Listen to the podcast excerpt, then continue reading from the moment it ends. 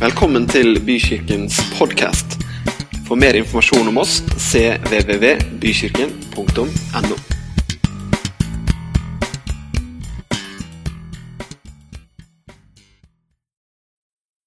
Dere, I dag så skal vi eh, fortsette. Dere som har fulgt med, vet at de siste søndagene har vært hentet fra Johannes 14.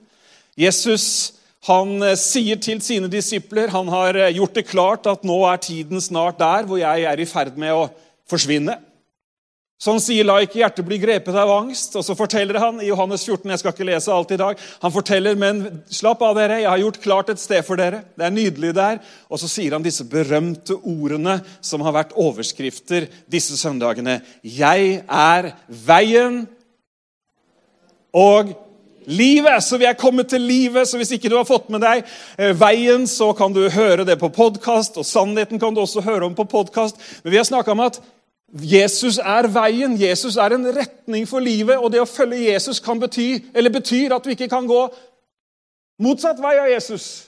Det betyr at det er noen valg osv.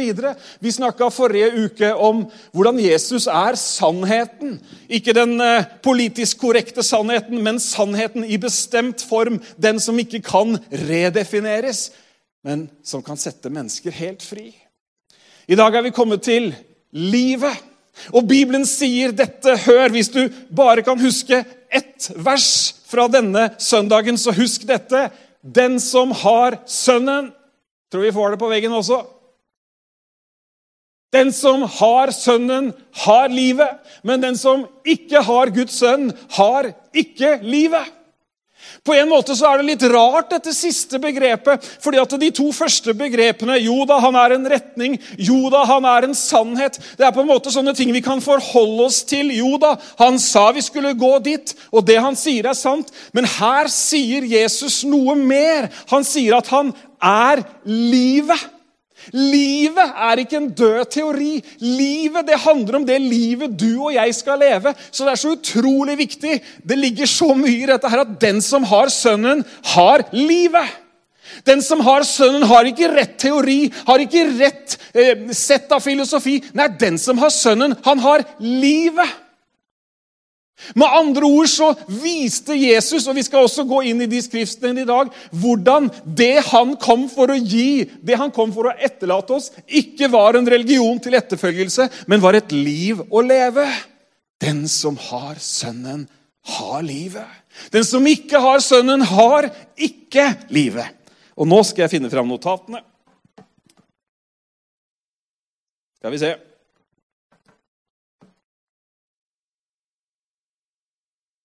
Vi skal lese et skriftsted til som sier noe av det samme. 1. Johannes 2, 23. Den som fornekter Sønnen, har ikke fellesskap med Faderen. Den som bekjenner Sønnen, har også fellesskap med Faderen.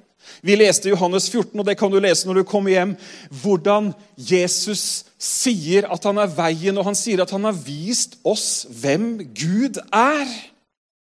Men først må vi spole tilbake. Skal vi gjøre det? Er du med på å spole tilbake?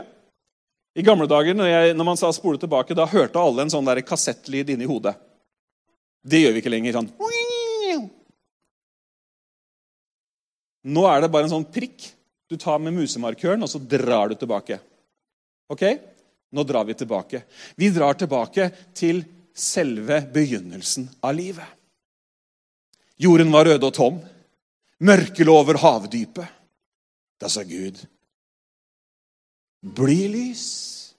Og så går skapelsesberetningen. Vi skal ha ikke tid til å gå inn på alt det, men den går videre. Han skilte mørke fra lys, dag og natt. Han skilte vann fra land, og vi fikk verdenshav og store landområder. Han skapte planter, han skapte alt. Dyr, fiskene i vannet, fuglene på himmelen. Og til slutt så skapte han menneske. Og Gud så at det var godt. Og etter at Gud hadde skapt mennesket, det står at han formet det av jordens støv.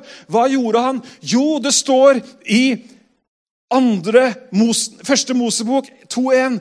Og Herren formet mennesket ut av jordens støv, og han blåste livets ånde inn i hans nesebor, og mennesket ble en levende sjel.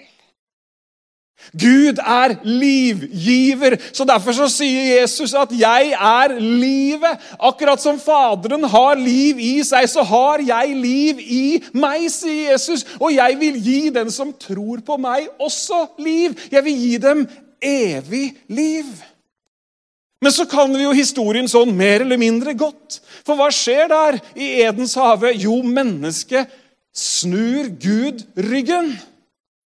Og Man kan si, man kan bruke mange ord når man skal si det, men det handler om at man ikke lenger tror det Gud sier. Man begynner å tro andre ting. Seinere underviser Paulus om Den hellige ånd og sier at han skal overbevise om synd. Hvorfor det? Jo, fordi de ikke lenger tror på meg.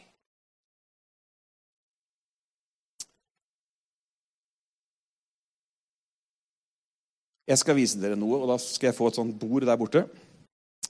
Nå er det et lite sceneskifte. Er det greit?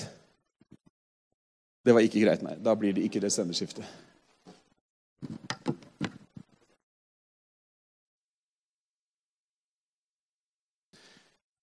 Dere, ser dere hvem dette ligner på? Et menneske. Ergo så ligner det på deg. Ok? De fleste her inne har i hvert fall et hode. Og så har vi ulik dimensjon på overarmen. Men det er et menneske. Mens Gud skapte mennesket i sitt bilde. Det betyr Gud skapte mennesket lik seg selv. Og Gud skapte oss alle. Ikke bare er vi sånn som vi er nå, det er sånn vi ofte tror, at ja, sånn ser alle mennesker ut, men han skapte hver eneste en av oss med et, et rom, om du vil, et tomrom, om du vil. Han skapte oss alle med noe som han mente å fylle med selve essensen av seg selv. Sin egen ånd. Gud blåste livets ånde gjennom hans nesebor, og se, mennesket ble en levende sjel. Med andre ord så har alle vi som sitter her, vi er skapt med noe på innsiden, og dette symboliserer det bare, men det er, det er noe i oss alle, et rom på innsiden, som ingen andre faktisk kan fylle til det fulle. Men historien om Adam og Eva, historien om mennesket, historien om Israels folk gjennom hele Gamletestamentet, hva er det? Jo, fordi de har snudd Gud ryggen og ikke latt har på mange måter, Det hadde jeg ikke tenkt på, men de har på mange måter lukka døra. Den var jo fin. Det er lett å lage sånn dør i papp. Du bare skjærer, og så har du gaffateip. Det er sånn hengsle som fungerer ca. gjennom en preken.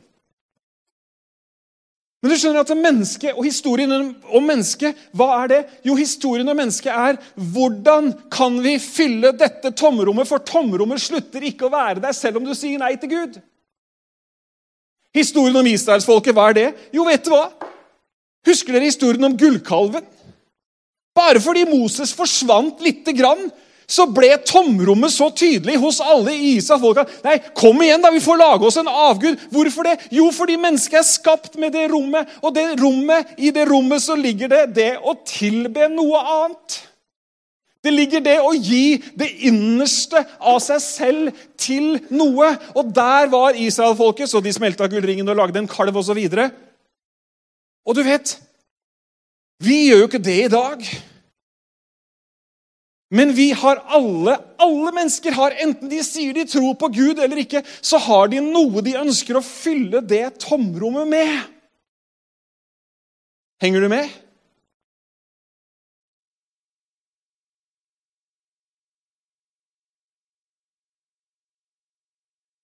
Erstatninger for relasjonen med Gud. Erstatninger for det himmelske i oss. Erstatninger for det guddommelige i oss. Vi sier 'dette er livet', om den ene eller den andre tingen. Bibelen snakker om, snakker om dette som avguder. Ja, men 'Jeg har ikke en eneste statue hjemme, Bent Ove.' Nei, det håper jeg ikke du har. Men, men nå, veldig, nå, har det vært veldig populært med sånne buddha, sånne litt fete buddhaer. For du kjøpte i alle interiørbutikker. Jeg var inne i en interiørbutikk her, og så Det var litt morsomt. For det var sånn der 70% salg. Og da, liksom, da, har du min oppmerksomhet i utgangspunktet.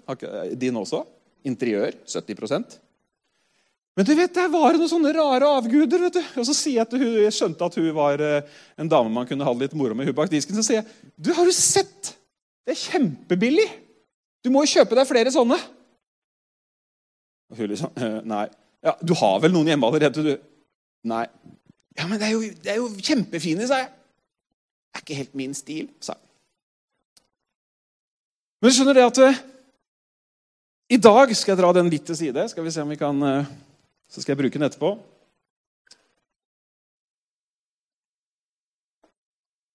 Den står sånn. Se på Stian.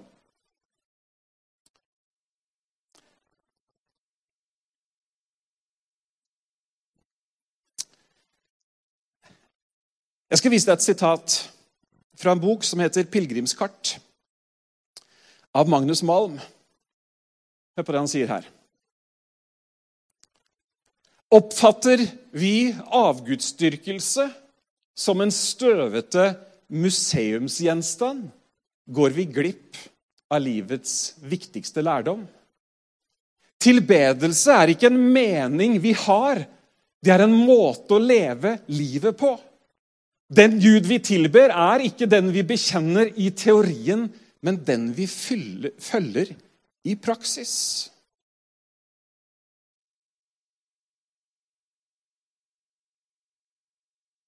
Den Gud vi tilber, er ikke den vi bekjenner i teorien, men den vi følger i praksis. Nå skal jeg vise deg, det er fra samme bok, fire områder av livet som viser deg og meg hvem Gud Hvem som er vår Gud. Du får ikke svarene her, men du får fire spørsmål. Det dreier seg om mening, identitet, livsopphold og trygghet. Så skal jeg kommentere det litt før vi går videre. Mening, altså meningen med livet. Vi snakker om avgjørende sider ved livet viser, eh, som viser deg hvem som er din Gud. Hva er den store fortellingen som gir mening til alt det andre i livet? Hva lengter og streber jeg etter? Hva bestemmer livsretningen? Hva er den store meningen? Hva er den store historien? Hva er det du leser, og jeg leser livet vårt gjennom når vi forsøker å møte vår, vår hverdag? I israelfolket så var det å fortelle historiene om hva som hadde skjedd, det var noe de gjorde gang på gang for barna sine, uke ut og uke inn. De satte historien inn i en kontekst. De bekjente og de viste at det finnes en Gud. Det finnes en Gud som elsker, som bryr seg om oss. Og så fortalte de om det slaget da Gud fridde dem ut derfra. Så fortalte de vi feirer denne høytiden fordi at denne feirer vi til minne om da Moses slo på klippen og vann kom ut osv. Historien deres ga dem et håp og en retning. Hvordan får du og jeg håp midt inn i en håpløs situasjon? Jo, vi får håp når vi tar vår lille historie og setter den inn i den store historien som vi for øvrig tok begynnelsen på i stad, når vi var inne på skapelsen. Og så ser vi det at jo da, det finnes en Gud. Det er en opprinnelse. Det er noen som har skapt mennesket og elsker mennesket. Men så skjer det ting på veien, men så legger vi vår historie inn der hvor vi er nå, og så slutter ikke historien med hvordan hvordan du føler det i dag. Er ikke det bra? Historien slutter nemlig med at Jesus kommer hjem, kommer igjen og henter sine. Og vi skal feire bryllup i himmelen og være der til evig tid, tilbake til utgangspunktet. Den historien gir håp. Den historien den gjør at ja, om jeg nå et stykke av livet står overfor dette, om jeg nå har vært gjennom det og det og det, så alt det er prøver vi ikke å feie under et eneste teppe eller bortforklare. Nei, vi sier at det finnes en større historie Hva er meningen? Hvilken historie plasserer du livet ditt inn i? Det neste handler om identitet. Hvordan ser jeg på meg selv? Hvem er jeg? Hvem er jeg, eller hva forteller meg hvem jeg dypest sett er? Er det din umiddelbare vennekrets? Er det bekreftelse eller mangel på bekreftelse fra mennesker rundt deg, fra foreldre, fra søsken, fra andre? Hva er det som definerer deg? Svaret på det spørsmålet avgjør på mange måter hvem som er din Gud. Hvor henter jeg min verdi fra? Min selvfølelse? Er identiteten dypt plantet i at jeg er skapt av Gud? Unik, elsket, hans øyensten. En gjenstand, en mottaker av hans nåde og godhet og kjærlighet. Eller er identiteten min forankret i helt andre ting? For hvis det er forankra i andre ting, så vil de andre tingene bety noe, og dermed også kunne ta Guds plass. Det neste handler om livsopphold. Hva oppfatter jeg som kilde til min eksistens og mitt daglige brød? Hva er det som dypest sett metter min sult og stiller min tørst? Vi tar den siste trygghet. Hvem stoler jeg på? Hvem setter jeg min lit til? Hvem eller hva vil beskytte meg og forsvare meg og mine? Hvor vender jeg meg når det er krise? Alle mennesker har et behov for trygghet. Min klare anbefaling den, tror jeg ikke det er vanskelig for deg å gjette det er jo at himmelens Gud, Gud vår skaper, han er den som kan gi alle disse tingene mening, identitet, livsopphold og trygghet. Vi kunne valgt andre ord også, men utfordringen er, akkurat på samme måte som Israel-folk og mennesker til alle tider, er at vi søker disse tingene i andre ting. Og det er nesten merkelig, for det er akkurat som om avgudene, da, for å kalle dem det og nå har vi fått beskjed om at det er ikke noe museumsgjenstand. Det, det, det, gjelder i dag også.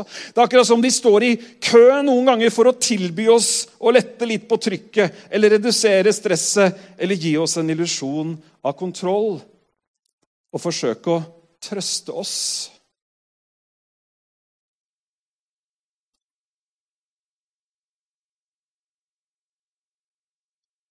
Jesus sier, 'Jeg er livet'. Hvis vi oppsummerer disse fire punktene i livet, så sier Jesus, 'Jeg er livet'. Vi sang i stad, 'Hva enn i verden som jeg møter'. Alt det jeg bør Ja, et eller annet. Åssen er det da, Stian? Hvor enn i verden som jeg søker. Bare Jesus jeg behøver. Og Det kan høres ut som en sånn slitt kristen klisjé. Ja, Jesus er svaret. Nei, det er ikke noe klisjé. Han er svaret. Hvorfor? Ikke fordi han er teorien eller religionen, men fordi han er livet. Han lever, og han har det livet som han hadde. Det har han gjort tilgjengelig for oss. Hør hva han sier i, i, eh, i eh, Johannes 5. Dere skal vite at hver den som hører på det jeg sier, og tror at Gud har sendt meg, han får evig liv. Et slikt menneske skal ikke bli dømt, men han er gått over fra døden til livet. Ja, dere skal vite at tiden er inne for at de som er åndelig døde, skal få høre min stemme. De som virkelig hører og tar imot, skal leve. For slik min slik som Gud, min far, har liv i seg, slik har han også gitt meg liv. Han har også gitt meg myndighet til å dømme menneskene fordi jeg er menneskesønnen. Jesus har fått liv, og Jesus er livet. Jeg lurer på om disiplene fra tid til annen sa 'Dette er livet'. Når ti spedalske blir helbredet, Peter, dette her er livet! Kjære mi, altså. Tror du de tok av litt, eller?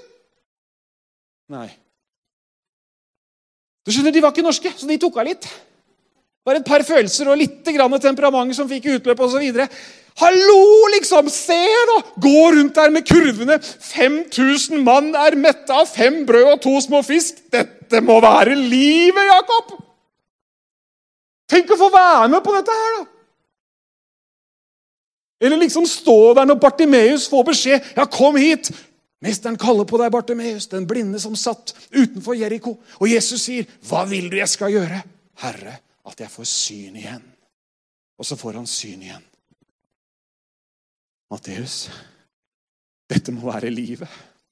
Å få lov å stå og se dette her. Eller tenk å være med da da Lasarus liksom kalles ut fra graven. Han har ligget så lenge at han lukter, men Jesus sier, 'Lasarus, kom ut!' Og han kommer ut, og de tar liklærne av.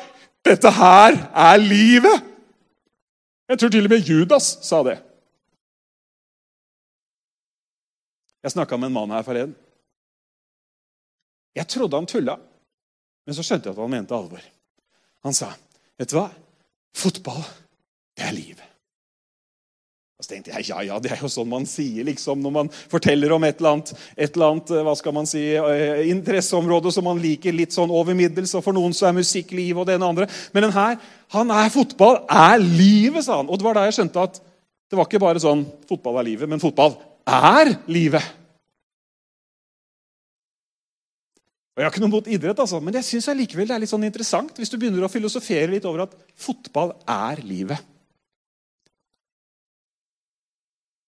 Altså, Bare tenk på det. Altså, det må gjerne være en del av livet. Og det må gjerne også bety noe. Men fotball, det er livet. Og Han hadde en liten unge stående ved siden av seg som hørte da faren gni dette inn til meg. Hvor, hvordan det, fotball er livet. Jeg tenkte, jeg håper ikke den sønnen plutselig en dag eh, har en eller annen skade som gjør at han ikke kan spille fotball lenger. for han, Da, jo, da går jo livet i grus i så tilfelle. For fotball er livet, altså.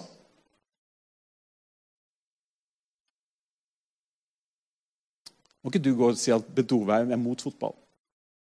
Må ikke det, vet du. Du vet, Jeg ble spådd en lysende fotballkarriere. Hvorfor ler dere nå? Jeg sa jeg ble spådd. Det er derfor ikke du skal høre på spådomskunst. Bare tull og tøys og fanteri. Jeg er livet. Jesus sier det han sier mange ganger gjennom Johannes evangeliet. For han snakker om dette skiftet som skal skje, hvor det livet som han har, skal bli gitt til deg og meg. Og En av de gangene han snakker om dette, er Johannes 7, og vi må få det på veggen.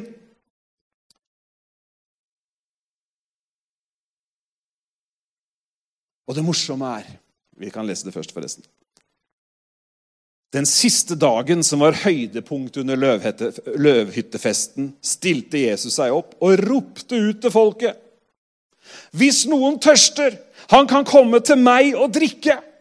Dere kan lese i Skriften at den som tror på meg, ut fra hans indre skal det renne strømmer av levende vann. Dette sa han om Den hellige ånd, som skulle bli gitt til dem som trodde på ham. Den hellige ånd var ikke gitt til menneskene ennå, for det kunne ikke skje, Jesus, skje før Jesus var tilbake i sin himmelske herlighet. Løvhyttefesten. En feiring til minne om at Gud ga israelfolket vann i ørkenen. Og du vet, For å symbolisere dette her, så hadde de rigga til scenen eller alteret eller hva de hadde for noe, med et rørsystem, og de løp opp og ned med krukker. Helte vannet opp i krukker og fikk det til, liksom, til å strømme ut fra klippen, sånn som det gjorde den gangen i ørkenen. På mange måter så kan du si at ja, men her hadde, jo religion, her hadde jo religionen fått sitt flotte, fine uttrykk. Her er jo religion det religion ofte kan være. En feiring og en fest i ny og ne. Men midt oppi dette her hvor liksom det, det, det, altså, Hør her. På den siste store dagen i høytiden. Det var klimaks for jødene. Det var full feiring. Midt oppi det så roper Jesus ut, 'Hallo! Hvis noen egentlig tørster, så kan du komme til meg og drikke.' For den som kommer til meg Det kommer til å skje noe når du kommer til meg. Da blir det ikke bare et eller annet vannsystem som noen løper rundt med. Nei, det blir en kilde med levende vann som veller fram fra dens indre. Og du vet, vi har jo både levende vann og vanlig vann her i bykirken. Skal vi se.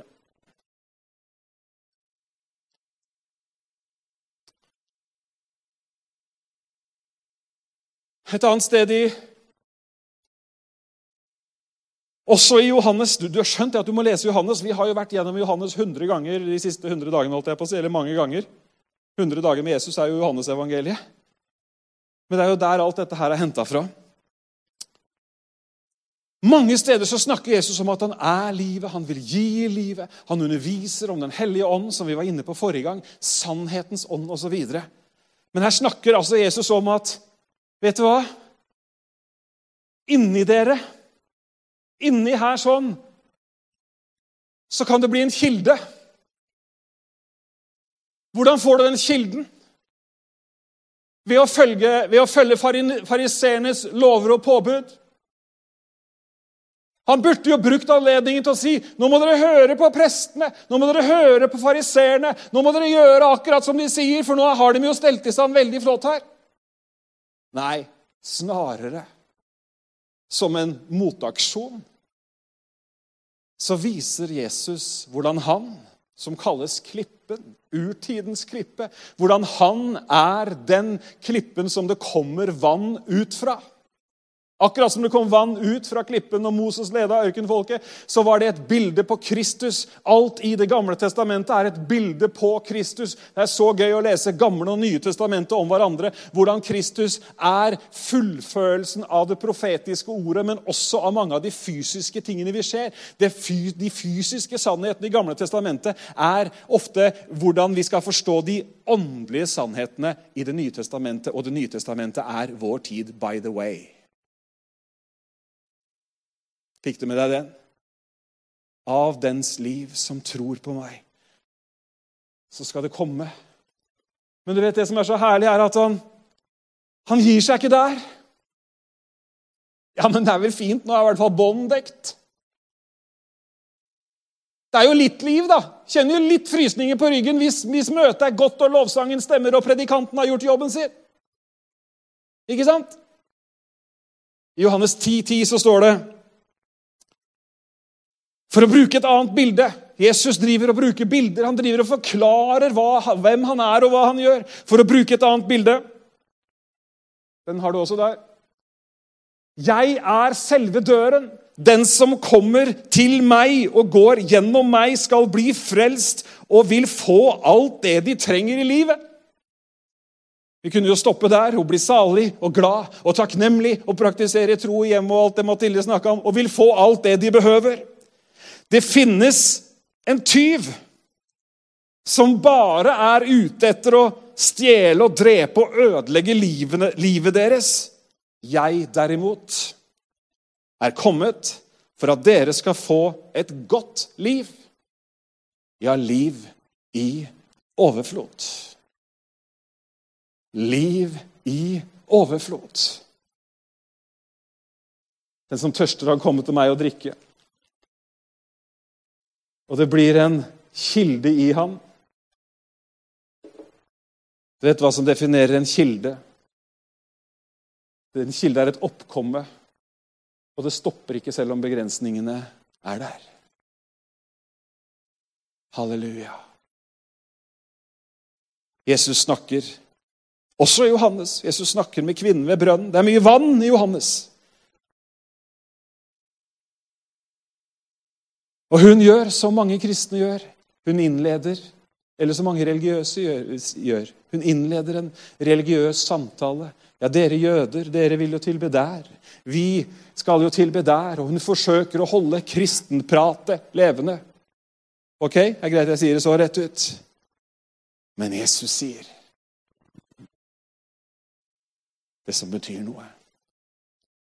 Det er å tilbe meg, tilbe meg i ånd og sannhet. Om du vil drikke av det vannet jeg gir deg, skal du aldri noensinne tørste. Akkurat det samme som han hadde sagt. Det vannet blir i han en kilde med levende vann som veller fram til evig liv. Vet du hva, Gud? Han har aldri lovet oss et friksjonsfritt liv. Hørte du hva jeg sa? Stian var inne på det i stad. Han har aldri liksom eh, sagt at vet du hva, bare liksom tro på meg, du, så forsvinner all motstand. Så er det som en varm kniv i smør, og livet blir liksom akkurat som en sånn der elendig lykkeroman.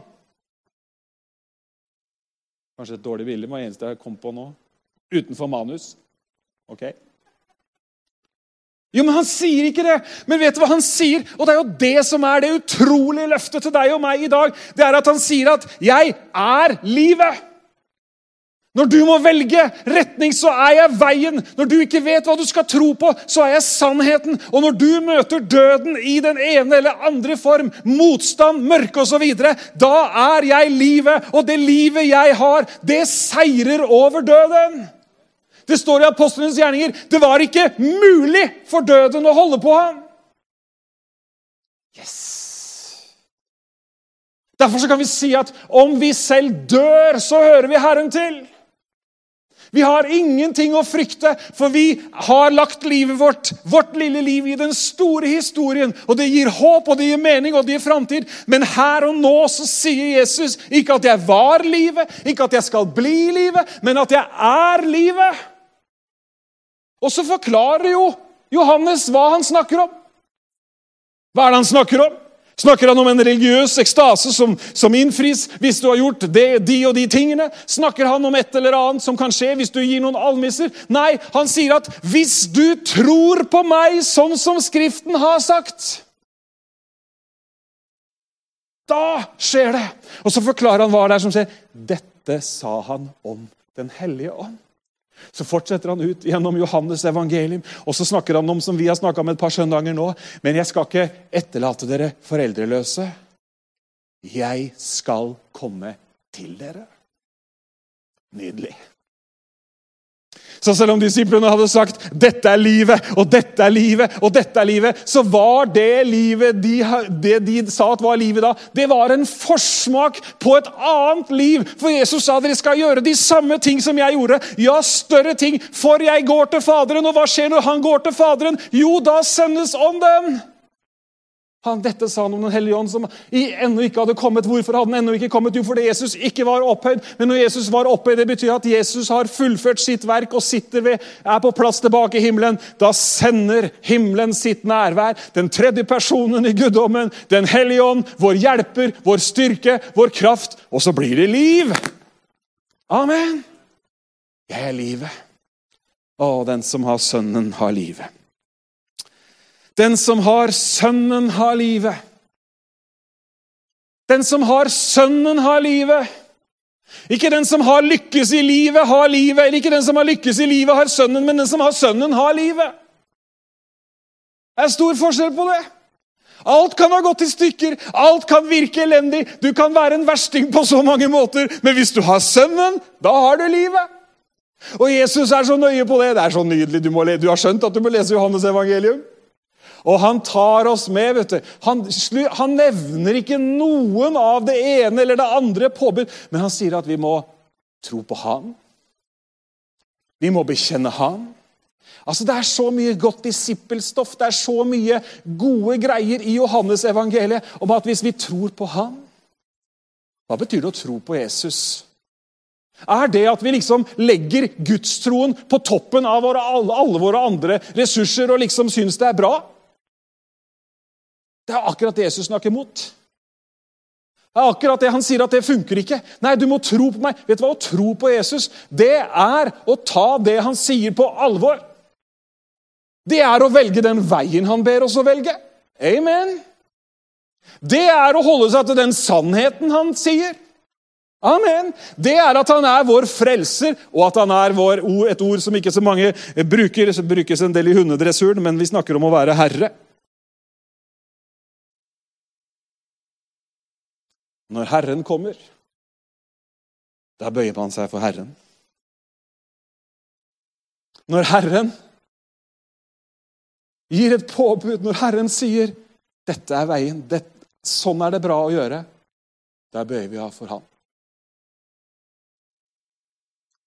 Dersom mine ord blir i dere.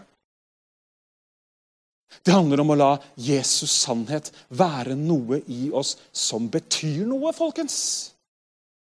Og Jeg står her og sier at ikke det betyr noe for deg, men jeg vet om mange mennesker som det egentlig ikke betyr noe for. Da kan, ikke, da kan heller ikke de menneskene forvente at livet, sånn som Jesus snakker om, ved at vi tror på Han, egentlig skal være kobla på. Litt radikalt. Men det er fint når vi snakker sant. Ikke sant?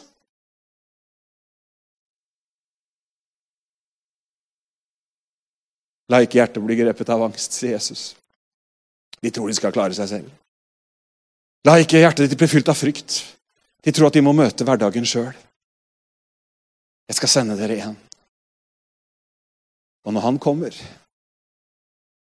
så skal han ta av det som er mitt, altså det som Jesus har. Tenk på alt det gode Jesus har, da! Oi, oi, oi! All makt i himmel og på jord. Kraft, styrke, Guds liv. Han skal ta av det som jeg har, og gi til dere, sier Jesus. Og det står at han i tillegg til at han skal ta og gi det, så skal han minne dere om alt jeg har sagt dere. Fantastisk.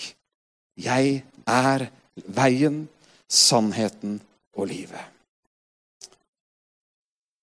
Halleluja.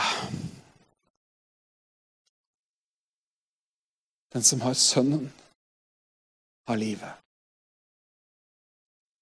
Tenk hva vi har, dere. Kan ikke Stian og gjengen komme opp? Tenk hva vi har.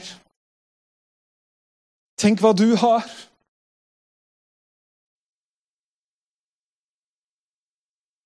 Så kan man noen ganger glemme hva man har. Har du glemt noe du har? Noen ganger så kommer noen og leverer noe verktøy tilbake til meg som jeg hadde glemt at jeg hadde. Eller jeg hadde i hvert fall glemt at jeg hadde lånt ut.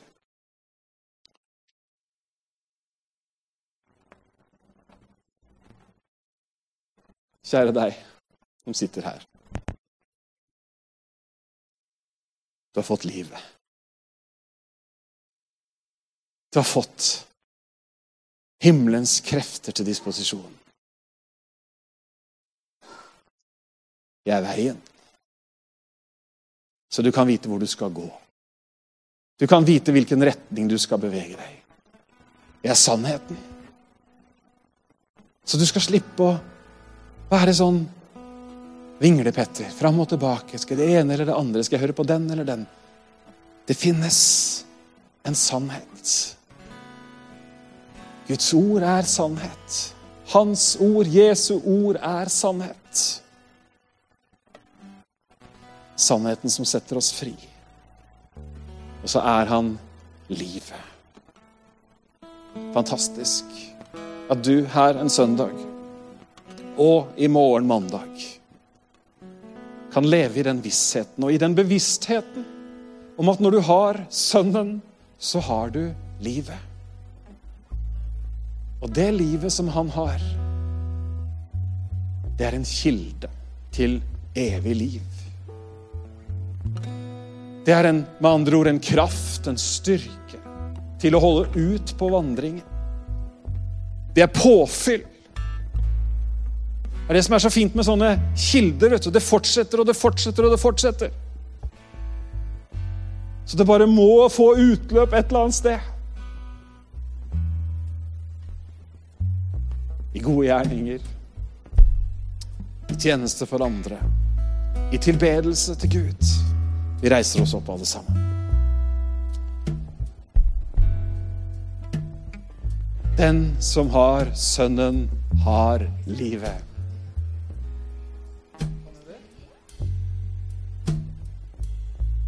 Dette er skummelt. Det var ikke Herren som talte nå, hvis noen lurte på det.